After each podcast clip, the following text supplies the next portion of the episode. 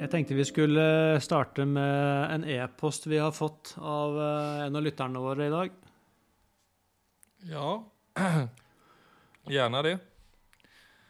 Hun skriver eh, Jeg er en av dem som aldri har følt meg bra nok i hele mitt liv.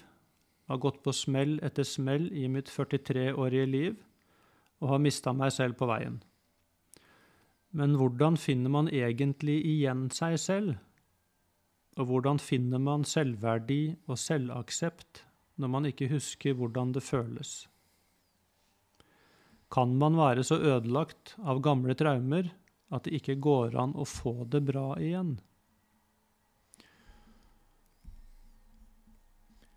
Det er jo ganske dramatiske spørsmål, men, eh, men også veldig gode spørsmål. Ja, det er veldig väldigt og sikkert ganske ganska sant for mange. Alltså jag, det, det der med at når det har gått i et visst spår lenge nok, oavsett hva det er, som du nevnte Ja, det gjør jo det. Med, ja, absolutt. Men jeg tenker det er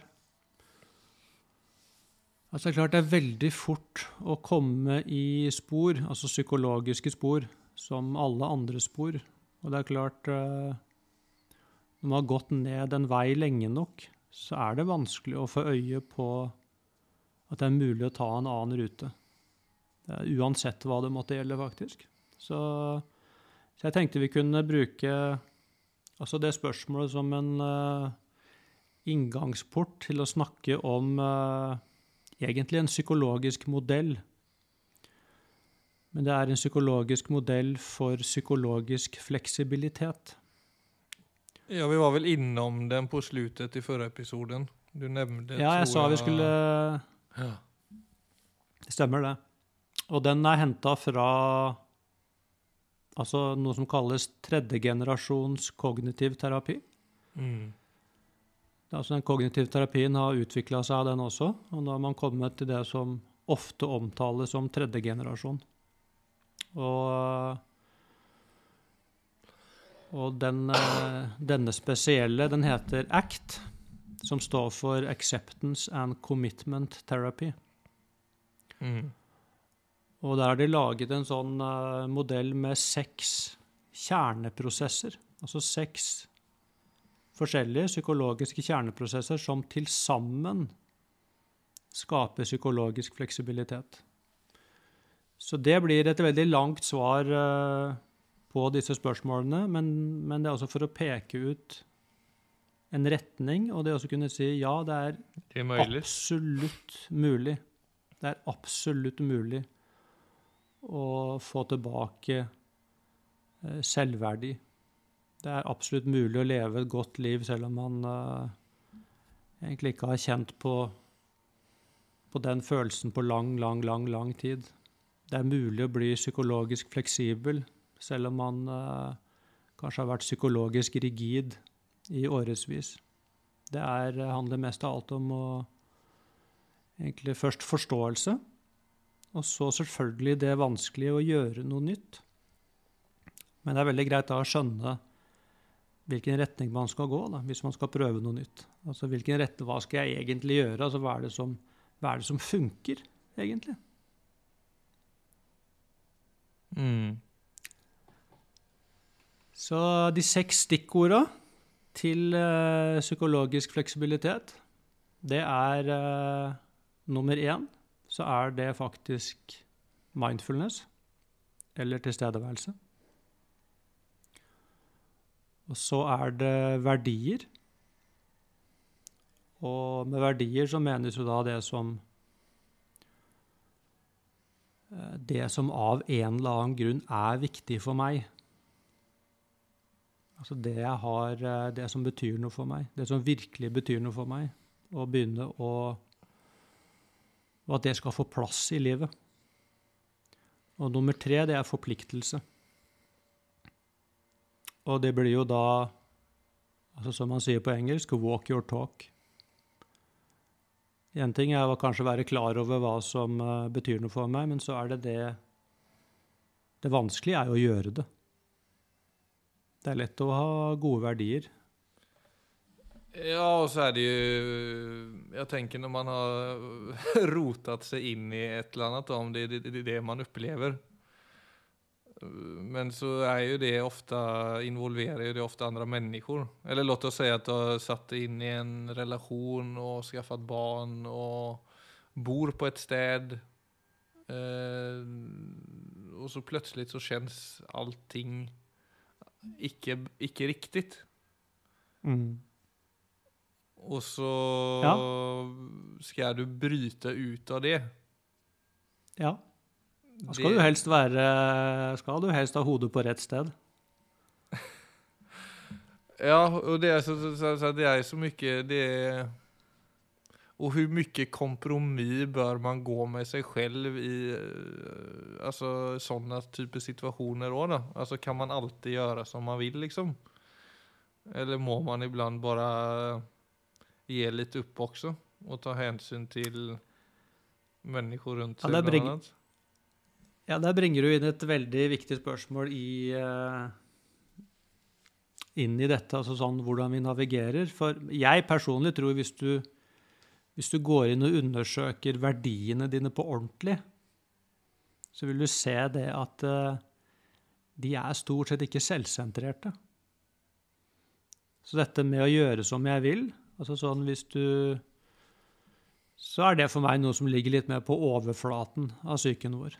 Altså der blir det sånn eh, Men det fører ikke til et godt liv. Altså du må grave dypere enn det hvis du skal finne altså, hva som virkelig gjør at at, eh, ja, at jeg faller til ro. Altså at jeg opplever harmoni. Så er jeg nødt til å se bortenfor meg selv. Så det er noe av det de peker, peker mot i denne modellen. Det er og det er selvfølgelig da, så det å jobbe med verdier er ikke noe man gjør på fem minutter. Jo, det krever litt selvinnsikt faktisk, å se hva er det egentlig som, som gjør at livet åpner seg. Og det er noe helt annet enn eh, Det er ofte sånn Hvis man har blitt malt opp i et hjørne, så vil jo ofte det motsatte kjennes som frihet. Og det er der man ofte tar feil valg.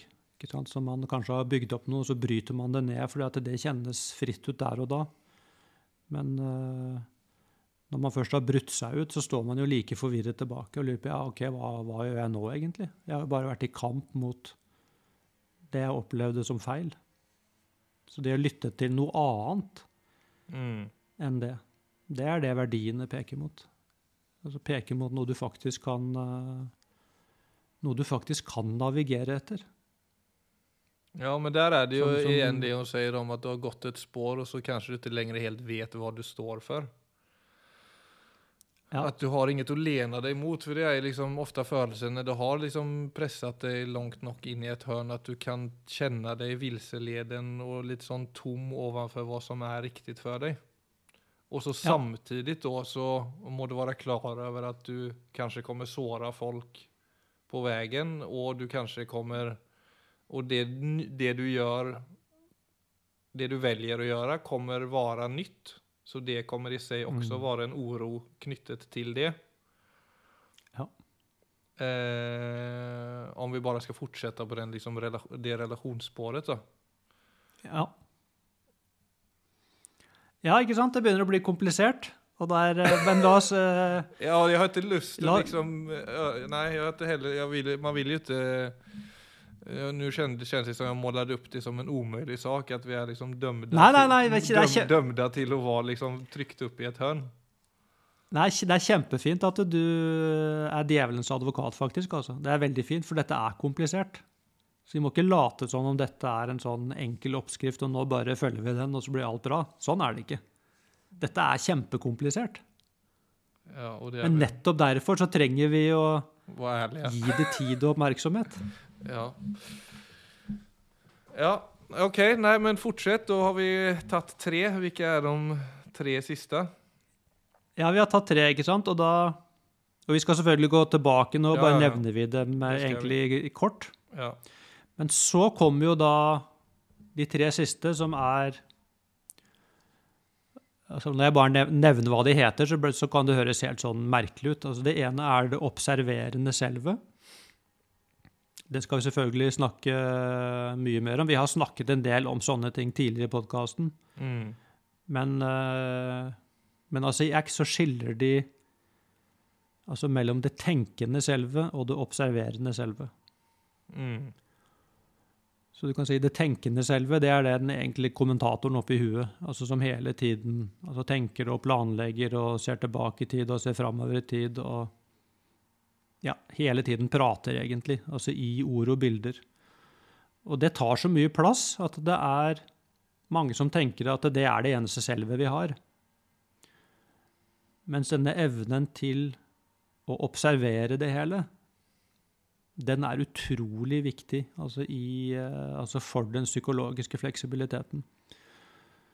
Så du kan godt se det som at uh, hvis du tenker deg en eh, kinosal, Mm.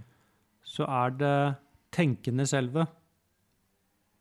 Det er på lerretet. Altså, det er filmen.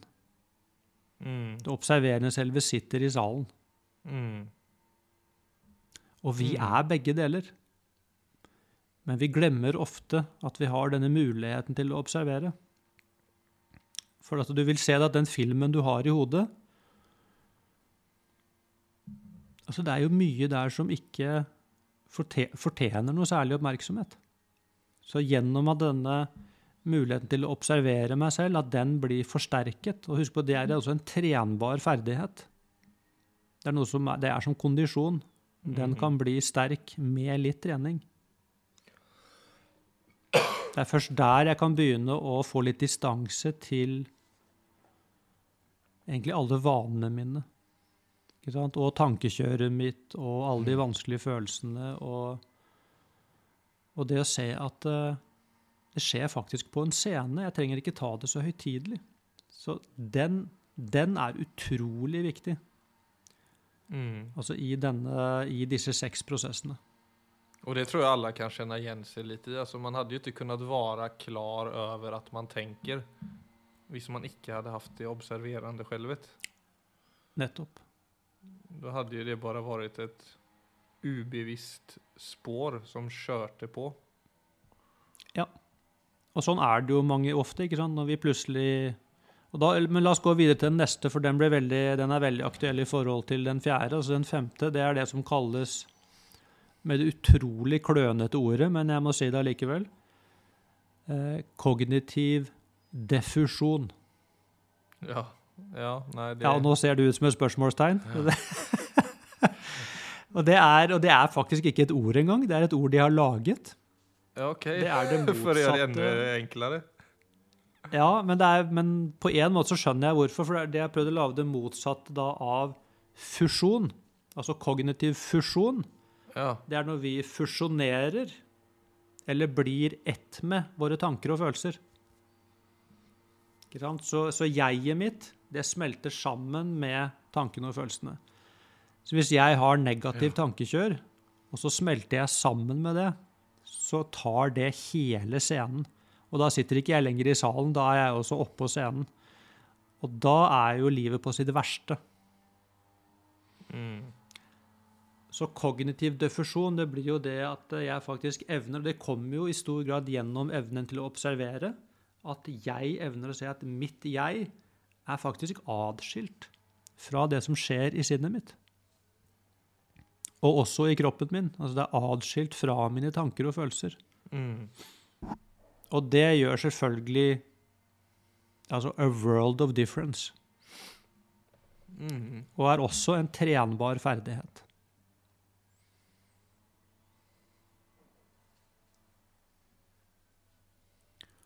Jeg må bare tillegge, om man hører en gressklipper i mitt ljudspår her, så er det for at det er en gressklipper utenfor uh, fönstret her. Men jeg tror eh, jeg bare sier det.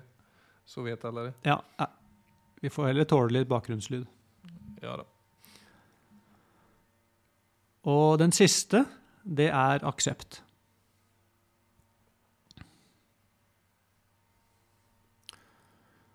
Så de seks, altså mindfulness, verdier, forpliktelse, det observerende selve, kognitiv defusjon og aksept. De seks til sammen skaper det som kalles psykologisk fleksibilitet. Og det vil egentlig si altså en eh, At du har nok psykologisk motstandskraft til å kunne faktisk møte alt det livet bringer foran deg. Altså på en god måte. Mm. Det betyr ikke at livet slutter å være vanskelig, men det betyr at du har den psykologiske utrustningen som trengs for å kunne stå i livet. Og ikke bli dratt ned av alle de tingene som skjer som er av vanskelig art. For at det, det er vi jo nødt til å møte alle sammen. Men det trenger ikke dra oss ned. Altså det trenger ikke bli en sånn sementblokk som vi har rundt anklene, og så blir vi kasta ut på sjøen. Nei. Nei, nei, jeg ble kastad ned i sjøen i går. Slog det meg nå når du sa det der, for jeg leste det var en Okej. okay. Alltså, med lite dårlig, med lite skamkänsla også, kanskje, for at det är mitt i krigen. Nu hoppar jag rätt in i det igen, men det var en sån krigsanalytiker som nämnde att det kanske kommer hålla på i tio år. Ja. Och då eh, kände jag ett visst obehag, kanske till och med en avgrund närma sig. Ja. Och så Ja. sitter jag här eh, återigen i mitt trygga hem och ser på allt, på allt med avstånd. Ja. Och där kom ju en liten sån, okej. Men eh, ja, där var det... Nej, det var bare et eksempel. Jeg bare kjente på litt sånn når du nevnte det med psykologisk fleksibilitet. Ja, men det er et Det er et veldig godt eksempel. Mm. Det er et veldig godt eksempel. ikke sant? Og Hvis vi går inn i modellen, så ville vært, jeg ville jo alltid da spurt ok, hva, hva er det som gikk gjennom hodet ditt når du leser den artikkelen? Altså, hva skjedde i deg? Jeg Jag tror jeg har, altså det samme, for vi holder på att pussa upp här hemma lite också. Och jag tror jag som generellt sett är lite dålig på att hantera situationer som inte är, hur ska jag uttrycka det, på plats kanske är bäst ord. Mm. Ja. Att när liksom någonting är i bevägelse som jag ikke helt synkar med. Och ett eh, storkrig är väl absolut inget jag synkar med på en måte. Eh, så det är nog en sån følelse av att det är och det er jo alltid oro i verden, det er ikke det. Men det er vel en sånn følelse da av at det er en økende og stegrande oro som på et globalt plan setter verden i et Jeg vet ikke, et sånt fokus blir det jo. Mm. Som, eh, som jeg absolutt ikke føler er på plass, da, på en god måte. Nei. Altså, hvis vi skulle Siden vi snakker om denne modellen, da, så kunne jeg tenke meg at vi la oss, la oss ta det du sier der, inn i denne modellen. For jeg tror det du sier der, vil jo veldig mange kjenne igjen i dag. Altså, alle som leser aviser, vil vel få altså, noen av de lignende impulsene. Altså som eh, Og det er alltid interessant å sjekke ut hva er det egentlig som skjer i meg når jeg leser de tingene. For det er det jeg reagerer på til syvende og sist. Jeg tror det er sånn, Går jeg inn i eh, meningsløshet Altså Er det noen vits i det hele tatt? Altså Er vi mennesker egentlig bare, bare rovdyr? Altså det, man kan ta det i veldig mange retninger, man kan ende opp på et veldig mørkt sted. Mm. Uh, og det er klart, man leser den type ting, så begynner jo sinnet bare å spinne av gårde. Og alt det som spinner i sinnet, det går jo i følelseslivet. Og der er det jo utrolig viktig å se Det er faktisk noe som spinner i meg. Og alle de tankebildene som oppstår i meg når jeg leser en krigsanalyse om at dette kanskje kommer til å vare i ti år, det er jo ikke virkelig. Det er, mye av dette er jo katastrofetanker. Mm. Så spørsmålet blir jo da i stor grad hvordan opplever jeg nå mine egne tanker og følelser som selve virkeligheten? Eller har jeg litt distanse til det? Så på de tingene der så blir jo da det, altså det observerende selve og det å kunne ikke fusjonere med det, men det å kunne ha litt avstand til det, er utrolig viktig. Altså for å kunne holde ho hodet over vannet. Mm. Og så er det noe med å da kunne akseptere at Altså den, nå kjenner jeg på utrygghet. Jeg kjenner på håpløshet. Jeg kjenner kanskje på frykt. Jeg kjenner kanskje på sorg. Jeg kjenner kanskje på skam og dårlig samvittighet nettopp over at her sitter jeg i min trygge stue og Så det er veldig Ja, det er, det, er- Det är där det blir som, det är där det blir just återigen det där med at man ju är ganska van vid at det er trygt der ute i et land som Norge. Så det där Mm. med at det skal være på plass, det er precis som man har en sånn självklarhet i det at ting skal være på plass, altså trygt. Ja, nettopp. Och när någonting kommer och stör den ordningen så sker det mycket i känslo, Mm. känslorna. Nettopp. Det er denne, og det også denne forventningen om at det skal jo være trygt. Så Den ville jeg også sett på. Hvor kom den fra, egentlig? Altså, Ta opp en historiebok. Er det, er det et sted hvor ikke er trygt, så er det jo i hvert fall på denne planeten. Det har aldri vært trygt. Så det er jo også en forventning som må si, åpenbart ikke har noe med virkeligheten å gjøre. Nei. Og da kommer vi jo til det, og da kommer vi plutselig litt i andre enden av den, for da, da blir det sånn, hvordan skal egentlig jeg forholde meg til alt dette? For dette skjer jo faktisk. Der vil jeg jo tenke at det som er i verdiboksen vil være et veldig nyttig sted å gå, istedenfor å bare gå og romstere i at dette burde ikke ha vært sånn. Eh, Det burde vært trygt, folk burde ikke ha kriget. Ja, folk, det kan jo alle være enige om, men det er ikke sånn virkeligheten er. Mm. Så på en måte så kommer vi til dette stedet at Hvordan skal jeg egentlig forholde meg til dette på best mulig måte? Og da vil i hvert fall jeg tenke at jeg må, det eneste jeg kan gjøre, er å gi mitt bidrag. Mm. Og mitt bidrag må jeg gi der hvor jeg er. Og da er det noe med å eh, Som de sier, altså Be the change you want to see. Så det er det eneste jeg kan gjøre. Altså, jeg kan være det jeg ønsker at verden skal være. Det kan jeg gjøre.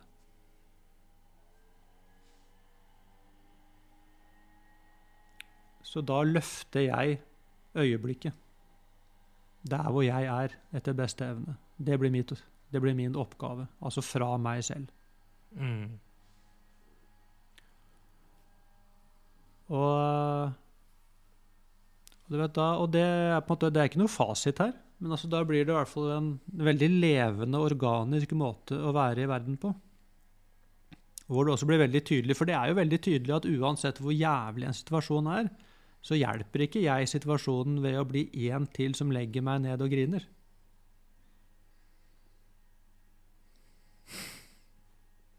Mm. Men det krever selvfølgelig altså ganske stor indre styrke å gjøre det. Men, eh, men det er noe allikevel å se at ja, dette ligger faktisk i dette ligger i menneskets mulighet. Ja, så er det interessant det du nämner med det tidigare med det tänkande självet och det observerande självet. Hur mycket vi kanskje faller inn i det tänkande självet. Alltså hur Jeg tror nesten hele tida. I den där storylinen som du snackar att vi hela tiden förvärrar verkligheten vid att alltid falla in i det, i de tankeströmmarna. Alltså jag kan ju bara ett konkret exempel när jag var ute och sprang i morse. Så har jag ju en, eh, vad ska jag säga, en sida av mig kommenterar eller påminner mig hela tiden om att det är 20 minuter kvar, det är två runder igen. Alltså du, du lägger hela tiden ett sånt koncept i det du gör. Så att det blir liksom en börda.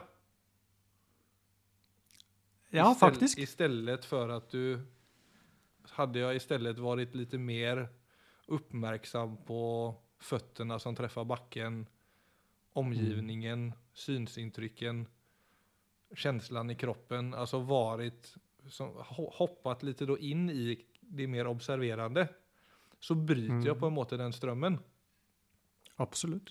Och då bryter jag också det som gör, som egentligen, det är inte själv, det är det jag upplever, att det inte är själva löpturen som är tung, utan det är liksom det konceptualiserande sinnet runt det. Yes. Och det Nettopp. är ju det jag upplever när jag läser i aviser och sånt också. Att det är ju att man lagar en storyline runt alt. Og så blir det en sånn det blir en sånn long stretch. Og da når du leser ti Ja. år, da kjøper du det liksom fullt og helt. Ja. Så, så vi drar, så liksom, ja det er noe med at alt, alt, alt vi gjør i livet drar vi liksom ut i en slags tidslengd. Vi sätter liksom en start og en slut. Og da er det klart at allting blir jo fort lite mer krevende, da. Ja, det er, der, der, det er der det blir krevende. Altså, det du sier der, er jo en synes, Det er jo en psykologisk revolusjon, det du sier der. Altså, det øyeblikket et menneske, altså et enkeltmenneske, fatter det du sier der, så er jo det begynnelsen på et nytt liv. Det er ikke løpeturen i seg selv som er slitsom. Det er hvordan jeg tenker rundt denne løpeturen mens jeg løper. Det er det som sliter meg ut. Ja. Det er ikke, det er ikke egentlig selve livet, men det er mine forventninger til livet som er det største problemet for meg. Og det fantastiske er jo at det kan jeg gjøre noe med. Livet får jeg ikke gjort noe med. Men hvordan jeg forholder meg til det, mine forventninger til det, det kan jeg gjøre noe med. Mm. Så det er jo the ultimate good news. Ja, det er det. Og det er en ganske forfriskende måte å begynne å leve på. Ja, Men det er bare ett problem, og det er i hvert fall for mange av oss da, så er det et problem. Det er at konsekvensen av det vi sier nå, er at plutselig så peker alle fingrene på meg. Mm. Mm. Så det kommer jo da med et et eh, Jeg må si et absolutt ansvar for min egen ferd i livet. Så det som faller bort i dette vi sier nå, dette har jeg sagt før, men det kan jeg godt si igjen, det er jo det å bli et offer. Det blir borte. Og det å legge skylden på noe annet, det blir også borte. Og du kan tenke deg, hvis man er i en vanskelig situasjon, og så kan man legge bort det, det, er, det i seg selv er ganske vanskelig å si at det er mitt ansvar. Altså det å leve et godt liv, det er faktisk mitt ansvar. Og Det betyr ikke at jeg nå skal ta bort alle sånne sosiale konstruksjoner, for de er kjempeviktige. Men til syvende og sist så må jeg forholde meg til min egen eksistens. Det kan ingen gjøre for meg.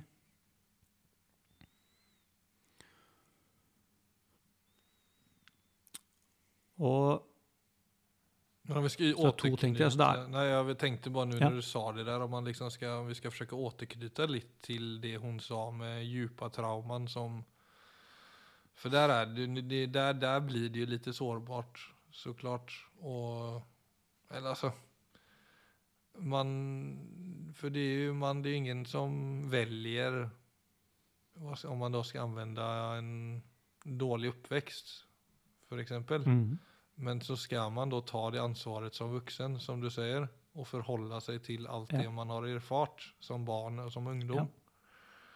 Ja. Ja. Og det er jo, som du sier, er jo ens fulle ansvar oavsett hvor tungt, tung den bakgrunnen er. Eh, dessverre, holder jeg på å si, men det er jo ikke men, men det, ja, det er som du sier, det blir jo det kan jo låte hardt. Ja, og det er jo hardt, men det er det jo òg. Men, men husk på, altså det kan være Og sånn kan jeg også være med meg selv. Det kan være hardt på en kjærlig måte. Altså Det bør ikke være hardt på en kald måte, eller på en sånn ja, Nå får du vær så god å ta ansvar for livet ditt. Altså, men det er noe med å se på den Ja, la oss si at man har altså, vært en den som har trukket Altså virket dårlig kort i forhold til oppvekst, f.eks.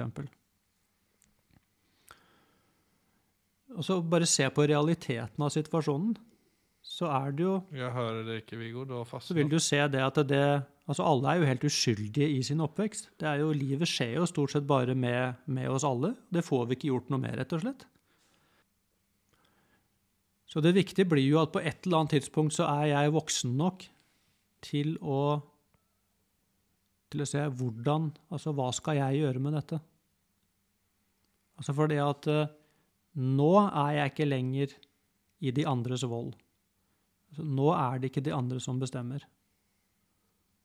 Så nå er jeg fri fra Jeg er nå fri fra å måtte repetere fortiden min. Og så må jeg selvfølgelig da Altså all den bagasjen jeg har, den må jeg jo håndtere.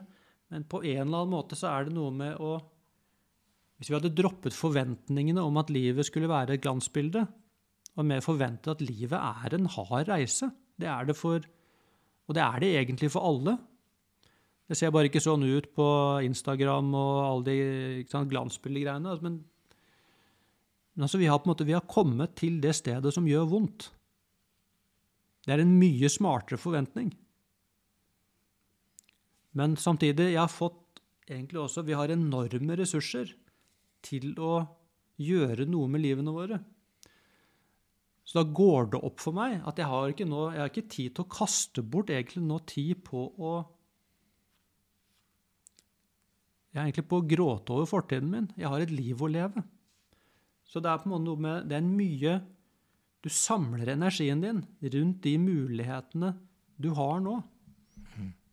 Og så kan du begynne å gå din egen vei. Og igjen så er det sånn Ja, det er tungt, det er masse arbeid, det er Men allikevel så er det Det er jo masse eksempler på det, på mennesker som har hatt forferdelige lidelser, og som allikevel klarer å leve fantastiske liv.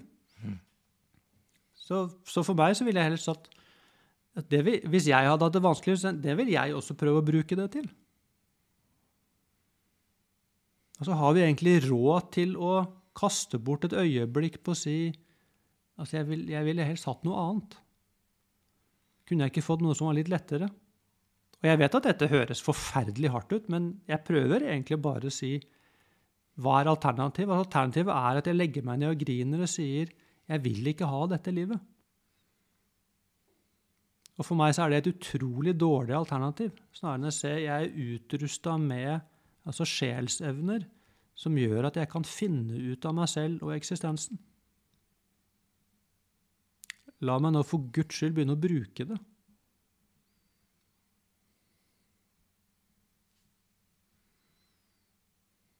Jeg tror det er veldig mye liksom, av denne Altså folk som har hatt vansker, som blir møtt altså med en sånn uh, Det er en form for omsorg og medfølelse, men nesten sånn som Ja, det er ikke rart at du ligger nede med den oppveksten du har. Kom på fanget mitt, du, så kan vi gråte sammen. Altså, det er sånn Det er en form for varme som Men ser den, den gjør ikke noe godt. Det er som å si til et menneske du, du kommer nok alltid til å ligge nede med den fortiden du har hatt. Det forstår jeg mm. godt. Bli liggende, du, så jeg komme med suppe til deg. Du vet, Det er ikke god hjelp til et menneske. Når det faktisk er en livskraft der som kan speiles og vokse til å leve et liv. Ikke i min verden, i hvert fall. Det, god, det godtar jeg ikke. Nei. Nei, jeg skal ikke si meg uenig. Det kan fort bli sånn, tror jeg. At det blir litt for mye trøstende og for lite resende. Ja, så det er, det er noe med altså blandingen mellom Altså jeg, jeg, vet jo selv hvordan dette høres ut for mennesker som, uh, som lever vanskelig liv. Altså jeg, vet, jeg vet at det er veldig mange som føler seg misforstått. Og det, det, er, det er lettere på tomannshånd, egentlig, det vi snakker om nå. For det, det har jo noe med timing å gjøre, og det er noe med Altså, man kan ha varme øyne, og man kan ha en varme og forståelse i stemmen, men samtidig som man snakker om hvordan bygge opp dette huset igjen. Ja, for det er noe med å bli møtt. Altså, det behøver jo alle ja. bli. Absolutt. Og derifra så skal jo stilken strekke på seg, holder jeg på å si. Ja. Og det å se at jeg har altså Det kan jeg også si det, ut fra egen erfaring. altså Vi har dybder i oss. altså i, Det er dybder i menneskenaturen som vi jo heller ikke har oppdaget ennå. Så hva er det egentlig som venter meg hvis jeg begynner å utforske hva dette mennesket er? Altså dette mennesket som jeg jo tilfeldigvis er. Vet jeg egentlig hva det er for noe? Vet jeg hva som bor i denne menneskenaturen? Nå tenkte jeg på... Før jeg liksom Nei, sorry. Jeg bare tenkte Du... Ja, ja, før jeg, før jeg eventuelt sier Nei, dette gidder jeg ikke. Altså, har du egentlig begynt å Hvor mye har du undersøkt rundt din egen natur? Før du eventuelt sier Nei, jeg vil ikke ha det. Det er ikke bra nok. Mm. Jeg vet ikke om du har hørt det, den eh, dikten fra Thomas Tran, Ta, Tranströmer, kjenner du til han? Jeg kjenner til han, ja. svensk stor dikter, ja. Ja, Han har Nydelig. en, ja, veldig. Han har jo den dikten, Jeg vet ikke om du har hørt den, men 'Skjems ikke for at du er menneske, var stolt. Inne i åpner seg sig valv bakom valv uendelig. Du blir aldri ferdig, og det er som det skal. Og inne i dem, alle öppnade seg valv bakom valv uendelig. Ja, nydelig. Det er eh, Vi skulle gjerne hatt uh, altså den type diktere litt mer framme, tror jeg. Altså vi, vi trenger å bli minnet på den type ting ofte. Mm. For det er så lett å bli altså navlebeskuende i, i overflaten. Så eh, hvis jeg skal si noe altså vi, vi, må gå videre med disse seks, eh, så virkelig prøve å bake ut hva som bor i dem, for at her er det mye gull. Men jeg vil gjerne si noe før vi slutter i dag rundt altså Siden hun snakket om dette med spørsmål, ikke på en del rundt dette med selvverdi. Mm. Og det å virkelig begynne å undersøke sånn Hvis jeg spør meg selv, eksempel, altså hvem er jeg? Eller hvis du skulle fortelle meg hvem du er Og da kanskje, hvis du hadde gjort det som en skriveøvelse, så skrive ned ja, hva er det egentlig jeg ville sagt til andre om hvem jeg er? Og så virkelig skrive ned, altså. Hvem er jeg egentlig? Og når du syns du har skrevet ferdig, se hva som står på det papiret, om det er noe der i det hele tatt som kommer fra deg sjøl. Eller er er dette bare ting du har hørt? Mm. Altså, så, så veldig ofte så er det andres beskrivelser av meg. Og, og også, husk på det, det du ser i speilet, det er bare deg selv fra én meters avstand. Det er ikke deg. Det er ett lite perspektiv på deg. Men det er ofte det som, eh, som får all oppmerksomheten. Er vi på utseende nå, eller er du bare eller er det på mer Ja, for, ja, ja, för abstrakta jag- grejer här? Nei, vi er på utseende. ja, nå er vi på utseende, OK, ja. Men, men det, husk på det, det er bare et perspektiv. Så det, det man egentlig kan si, det man undersøker f.eks. i mindfulness-meditasjon, Mhm. det er jo mer hvem er jeg egentlig for meg selv? Det er der det virkelig Og det er der hemmeligheten ligger i forhold til selvverdi. Altså har det Eller er det bare det andre sier, eventuelt har For da blir det alle disse utvendighetene. Ja. Men altså, er jeg Hvem er jeg? For eksempel det- Dette er et abstrakt spørsmål, men det er samtidig helt konkret. Det er hvem er du for deg selv på null meters avstand? Mm. du, dra, det var en dør som gikk opp her, men dra den en gang til. Takk. Hvem er du for deg selv på null meters avstand? Ooh. Yeah, that's deep. Mm. Två ögon som tittar ut i världen. Ja, ja, eller hva om de titter inn? Hva om du vrenger øynene rundt og titter inn? Ja, det blir jo abstrakt. Ja, men det er Alltså, samtidig helt konkret, for det er varit jo i det den vi noen ganger, men det er jo vanskelig å sette fingret på seg selv 100 procent liksom. eh, just presis. Ikke sant? Så det er noe med dette der Altså her blir det, det blir abstrakt, men samtidig så er det jo dette som er å være menneske. Altså er jeg, er jeg egentlig en ting? Altså for meg selv, er jeg en ting? Så la oss ta med Nå kan vi utfordre lytterne, det kan vi plukke opp, men la oss, eh, nå kan de som virkelig er interessert, altså virkelig prøve å svare på det spørsmålet til neste uke. Hvem er jeg for meg selv på null meters avstand? For der ligger det en hemmelighet, altså. Spennende og bra. Nå kom vi ikke helt inn på alle de seks, men vi kom jo i gang med en sånn slags generell snakk rundt helheten, kanskje. Ja da, vi gjorde det. Vi har tegna et, et oversiktsbilde. Så kan vi gå dypere inn i hver og en av dem uh, videre. Vi får bena ut i det. Ok, husk. Thomas Transømmer, valv efter valv. Vi er alle bærere av det.